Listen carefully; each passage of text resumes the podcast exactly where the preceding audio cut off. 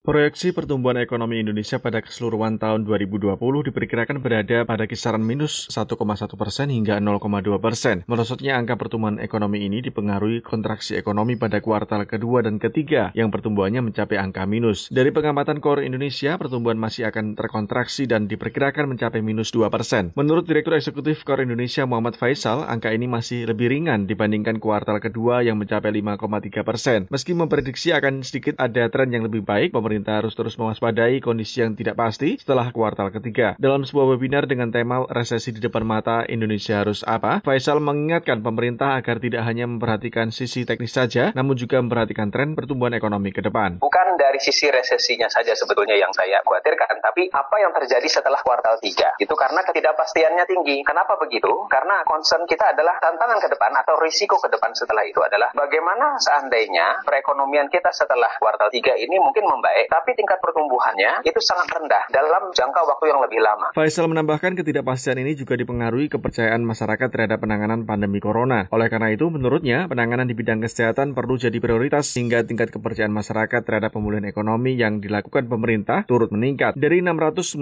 triliun alokasi anggaran pemulihan ekonomi nasional atau PEN, komponen untuk kesehatan mendapatkan anggaran sekitar 87,5 triliun. Muhammad Misbakun, anggota Komisi 11 DPR RI mengatakan, program pemulihan ekonomi nasional nasional oleh pemerintah sudah sesuai dengan alurnya, namun perlu didorong agar stimulus ekonomi dapat sampai ke semua masyarakat yang terdampak. Sampai saat ini, serapan dana pada program pemulihan ekonomi masih mencapai 25 persen, yang ini menjadi kendala bagi pelaku usaha untuk terus menggerakkan roda perekonomian. Misbakun menyoroti kelompok ekonomi bawah dan menengah yang masih rentan yang belum tersentuh bantuan pemerintah. Apa yang dilakukan oleh pemerintah yang selama ini sudah ada itu perlu ditambahkan kalau menurut saya. Program insentif terhadap kelompok ini. Karena apa? Ada kelompok kelas menengah rentan yang selama ini belum dilakukan upaya yang optimum. Komponen rumah tangga ini mengalami konstruksi ini yang belum. Kemudian ada kelompok usaha-usaha tertentu, kalau tadi itu individual, dan kemudian ada kelompok usaha yang kelas bawah bukan, tapi kelas menengah, tapi mereka masih rentan juga, tapi belum besar. Staf khusus komunikasi strategis Menteri Keuangan RI, Justinus Prastowo, memastikan pemerintah telah melakukan berbagai upaya untuk menyelamatkan ekonomi Indonesia, sekaligus melakukan penanganan di bidang kesehatan. Berbagai skema pembiayaan untuk membantu masyarakat yang terdampak telah dilakukan, termasuk penundaan kredit untuk usaha kecil menengah atau UKM, dengan penjaminan kredit modal kerja, insentif pajak, hingga bantuan sosial. Justinus Prastowo menambahkan saat ini sedang disusun skema stimulus baru untuk usaha super mikro yang merupakan bentuk dukungan pemerintah untuk pemulihan ekonomi nasional. Pemerintah sedang menyusun satu skema stimulus baru, yaitu dukungan kredit